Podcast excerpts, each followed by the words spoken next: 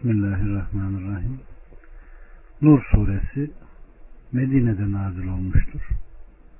Rahman ve Rahim olan Allah'ın adıyla. 1 ve 2 Bu indirip hükümlerin uygulanmasını farz kıldığımız bir suredir. Düşünüp öğüt alasınız diye onda apaçık ayetler indirdik. Zina eden kadın ve zina eden erkeğin her birine yüzer değnek vurun. Allah'a ve ahiret gününe inanıyorsanız Allah'ın dini hususunda sizi bir acıma tutmasın. Müminlerden bir grupta bunların azabına şahit olsun. Aleykümselam. Allah subhanahu ve teala bu indirdiğimiz bu bir suredir buyurur ki bunda ona itina gösterme bir tembih vardır. Ancak bu diğer surelere itina gösterilmeyecek anlamına da gelmez. Ve Rabbimiz Subhanahu ve Teala hükümlerinin uygulanmasını farz kıldığımız helalı, haramı, emri, yasağı ve cezaları açıkladığımız bir suredir buyurmuştur. Düşünüp öğüt alasınız diye onda apaçık açıklanmış ayetler indirdi kavlinden sonra Allah subhanahu ve teala zina eden kadın ve zina eden erkeği her birine yüzer değnek vurun deyip ayetini indiriyor. Zina edenin cezasını. Aleyhissalatü Vesselam Efendimiz'den iki bedevi Aleyhissalatü Vesselam'a geldiler. Onlardan birisi ey Allah'ın elçisi oğlum şunun yanında ücretli bir işçiydi. Onun hanımıyla zina etmiş. Ben de oğlumun fidyesi olarak yüz koyun ve bir cariye verdim. İlim erbabına sordum.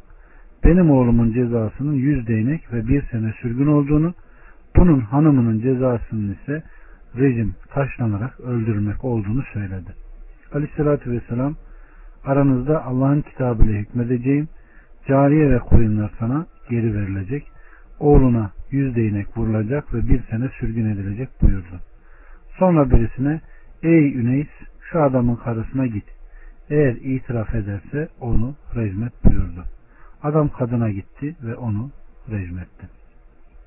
Bu hadis zina eden erkek eğer evlenmemiş bekar ise ona yüz değnek vurulmakla beraber sürgün edileceğine delalet eder.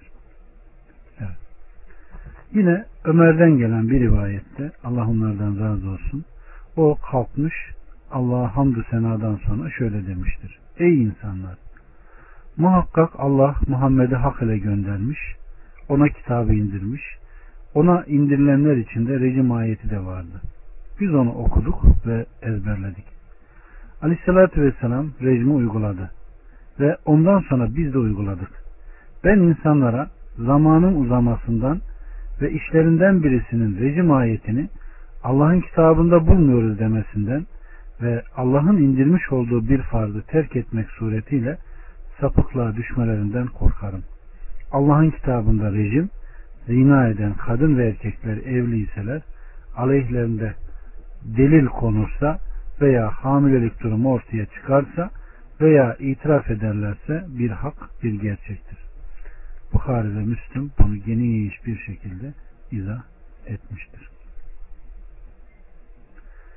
İmam Ahmet'ten gelen rivayette Ömer İbnül Hattab insanlara hutbe okuyor. Abdurrahman onun söylediğini işitmiş. Uyanık olun. Bazı kimseler rejimde ne oluyormuş? Allah'ın kitabında sadece değnek cezası var diyorlar. Halbuki Allah Resulü Aleyhisselatü Vesselam rejimi uygulamış ve ondan sonra biz de uygulamışızdır.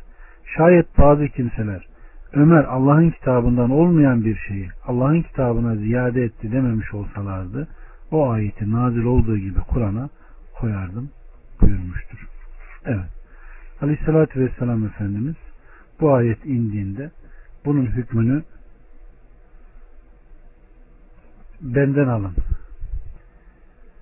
Allah Resulü Aleyhisselatü Vesselam bunun hükmünü benden alın, benden diyerek kim evli ve dul olarak zina ederse ona mahrumiyet vardır. Taşlanarak öldürülme demiştir. Bekarsa yüz sopa ve sürgün demiştir. Bu da sünnetin Kur'an'ı neshine, beyanına girer. Her ne kadar mutezile, akılcılar buna itiraz etse de kabul etmese de Allah'ın hükmü budur. 3.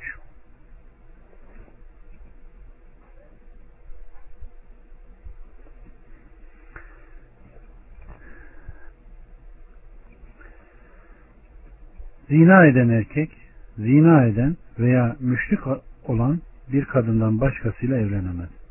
Zina eden kadınla da zina eden veya müşrik olan bir erkekten başkası evlenemez. Bu müminlere haram kılınmıştır. Evet. Nur 3 Allah subhanahu ve teala zina eden erkek ancak zina eden bir kadın veya müşrik bir kadın ile cinsel ilişki kurabilir. Yani onun maksadı olan zinaya ancak asi, günahkar olan zina eden bir kadın veya zinayı haram olarak görmeyen müşrik bir kadın razı olur. Zina eden kadın da böyledir. Onunla ancak zina etmekte asi olan, zina eden bir erkek veya zinanın haram kılındığına inanmayan müşrik bir erkek evlenebilir buyurmuştur. İbn Abbas'tan gelen rivayete göre bu ayet hakkında bundan maksat nikah evlenme değildir. Bu ancak cinsel ilişkidir ki onunla ancak zina eden erkek veya müşrik bir erkek cinsel ilişki kurabilir demiştir.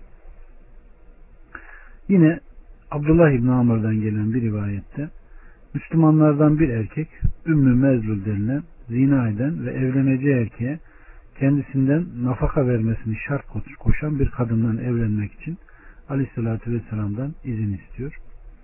O kişi Aleyhisselatü Vesselam'dan o kadından evlenmek için izin istediğinde Aleyhisselatü Vesselam ona zina eden erkek, zina eden veya müşrik olan bir kadından başkasıyla evlenemez. Zina eden kadın ile zina eden veya müşrik olan bir erkekten başkası evlenemez. Bu müminlere haram kılınmıştır ayetini okumuştur. Evet. 4 ve 5 İffetli hür kadınlara iftira atan sonra da dört şahit getiremeyenlere 80 değnek vurun. Ebediyen onların şahitliğini kabul etmeyin.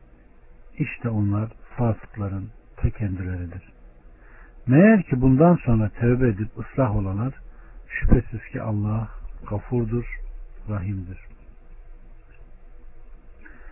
Bu ayeti kerime hür, bali, iffetli, evli kadınlara iftira atanlara uygulanacak değnek vurma cezasının hükmünü beyan ediyor.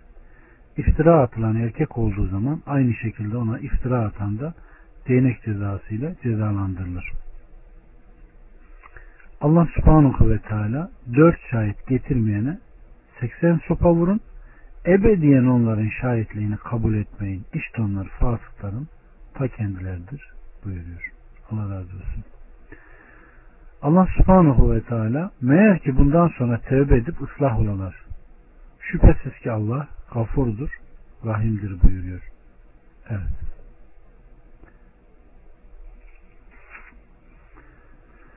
Altıdan ona kadar eşlerine zina isnat edip de kendilerinden başka şahitleri olmayanların şahitliği kendisinin doğru sözlerden olduğuna dair Allah'ı dört defa şahit tutmasıdır. Beşincisi ise eğer yalancılardan ise Allah'ın lanetinin kendi üzerine olmasıdır. Kocasının yalancılardan olduğuna dair dört defa Allah'ı şahit tutması kadından cezayı savar. Beşincisi ise kocası doğrulardan ise kendisinin Allah'ın gazabına uğramasıdır. Ya üzerlerimizde Allah'ın fazla rahmeti olmasaydı ve gerçekten Allah tövbeleri kabul eden hakim olmasaydı. Evet. Demin Rabbimiz Subhanahu ve Teala birine iftira olmasın hasebiyle zinanın ispatında dört şahiti şart koşuyor ve bu dört şahit oluşmadığında birisi birine bu zinakardır dedi mi onun dindeki hattı 80 sopadır ve ebedi şahitliği kabul edilmeme. Buradaysa kendi eşine yaptığı nispet. Buraya dikkat etmek gerekiyor. Bir başkasına değil. Kendi eşlerine zina isnat edip de dört tane şahit olamayanlara, bulamayanlara Allah subhanahu ve teala liyan yani karşılıklı lanetleşme hükmünü veriyor. Bu ayet karısına zina isnadında bulunan ama delil getirmesi imkansız olan kocalar için bir ferahlık ve fazladan olarak da bir çıkış yolu göstermekte. Allahu Teala'nın emrettiği üzerine liyan şöyle olur. Erkek karısını imamın, devlet başkanının veya kadının yanına getirir. Karısına isnat ettiği suçu onun yanında itiraf eder ve iddia eder. Hakim karısına isnat etmiş olduğu zina iddiasında kendisinin doğru sözlerden olduğuna dair dört şahit yerine Allah'ı şahit tutarak dört kere ona yemin ettirir. Beşincide de eğer yalancılardan ise Allah'ın lanetinin kendi üzerine olmasını ister. Koca bunu yaptığı zaman mücerret bu lanetleşme talakı bayın yani artık talak vuku bulur ve birbirlerine de bunlar haram kılınır. Evet. Beşincide ise kocası doğrulardan ise kendisinin Allah'ın gazabına uğramasıdır. Ve kadın hakkında özellikten Allah'ın gazabı zikredilmiş, öbüründe ise lanet zikredilmiştir. Sonra Allahü Teala yaratıklarına olan lütfunu, merhametini, içinde bulundukları sıkışıklığın şiddetinde çıkış ve kurtuluşu onlara meşru kıldığını zikrediyor. Ya üzerinizde Allah'ın fazla rahmeti olmasaydı haliniz nice olurdu. Sıkıntıya düşer ve birçok işinizde meşakkata düşer kalırdınız. Muhakkak ki Allahü Teala yeminden ve ağır ağır yeminlerden sonra dahi olsa tevbeleri kabul eden, koyduğu kanunlarda emredip yasaklarında mutlak hikmet sahibidir. Evet. Bu amelin bu ayetin gereğince nasıl amel olmayacağına, ayetin nuzul sebebine ve sahabeden kim olduğu hakkında nazil olduğuna dair hadise bir bakalım. İbn Abbas naklediyor. İffetli hür kadınlara iftira atan, sonra da dört şahit getirmeyenlere seksen değnek vurun. Ebediyen onların şahitliğini kabul etmeyin ayeti nazil olduğunda Ensar'ın efendisi Sa'd İbni Ubade Ey Allah'ın elçisi böyle mi nazil oldu dedi. Aleyhissalatü vesselam Ey Ensar topluluğu Efendimizin ne söylediğini işitmiyor musunuz buyurdu. Onlar Ey Allah'ın Resulü onu ayıplama. Muhakkak o kıskanç bir adam. O bakir olmayan hiçbir kadından evlenmez. Ve kadınlardan hiçbirini boşamamıştır ki onun kıskançlığının şiddetinden bizden hiç kimse onun boşayacağı bir kadından evlenmeye cüret edemez dedi. Saat, ey Allah'ın elçisi, Allah'a yemin olsun ki ben bunun hak olduğunu, Allah'tan olduğunu biliyorum ama fakat ahmak bir kadının bacakları arasına oturmuş bir adam bulacağım. Benim dört şahit getirinceye kadar onu hareket ettirme, yerinden ayırma hakkım olmayacak. Vallahi o ihtiyacını giderinceye kadar şahitleri getirmeyeceğim. İşte ben buna çok şaştım dedi. Çok durmadılar ki Tebuk kavzesinden geri kalması sebebiyle tevbesi kabul edilen üç kişiden biri olan Hilal İbni Umeyye geldi. Çalıştığı arazisinden akşam evine gelmiş ve ailesi yanında bir erkek bulmuş. İki gözüyle görmüş, iki kulağıyla işitmiş. Sabaha çıkıncaya kadar da ona dokunmamış. Sonra sabahleyin Aleyhisselatü Vesselam'a gelmişti. Ey Allah'ın elçisi, akşam aileme geldim, onun yanında bir erkek buldum. Gözümle gördüm, kulağımla işittim dedi. Aleyhisselatü Vesselam onun getirdiği haberden hoşlanmadı. Tamam. Ve ona karşı sert davrandı. Ensar toplanıp Sa'd İbni Ubade'nin söylemiş olduğu musibet işte bizim başımıza geldi. Aleyhissalatü Vesselam şimdi Hilal İbni Umeyye'yi döver ve şahitliğini insanlar için iptal edip yok sayar dedi. Hilal Allah'a yemin olsun ki ben Allah'ın benim için bundan bir çıkış yolu koyacağını umarım dedi. Hilal ey Allah'ın Resulü getirdiğim haberden ötürü bana neden sert davranıyorsun? Allah'a yemin olsun ki o benim doğru söylediğimi biliyor dedi. Allah'a yemin olsun ki Aleyhisselatü Vesselam onun dövülmesini emretmeyi arzuluyordu.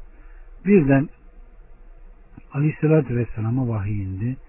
Ona vahiy indiği zaman bunun yüzünün değişmesinden, bulanmasından bilirdik.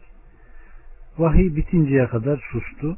eşlerine zina isnat edip de kendilerinden başka şahitleri olmayanların şahitliği kendisinin doğru sözlülerden olduğuna dair Allah'ı dört defa şahit tutmasıdır ayeti nazil oldu.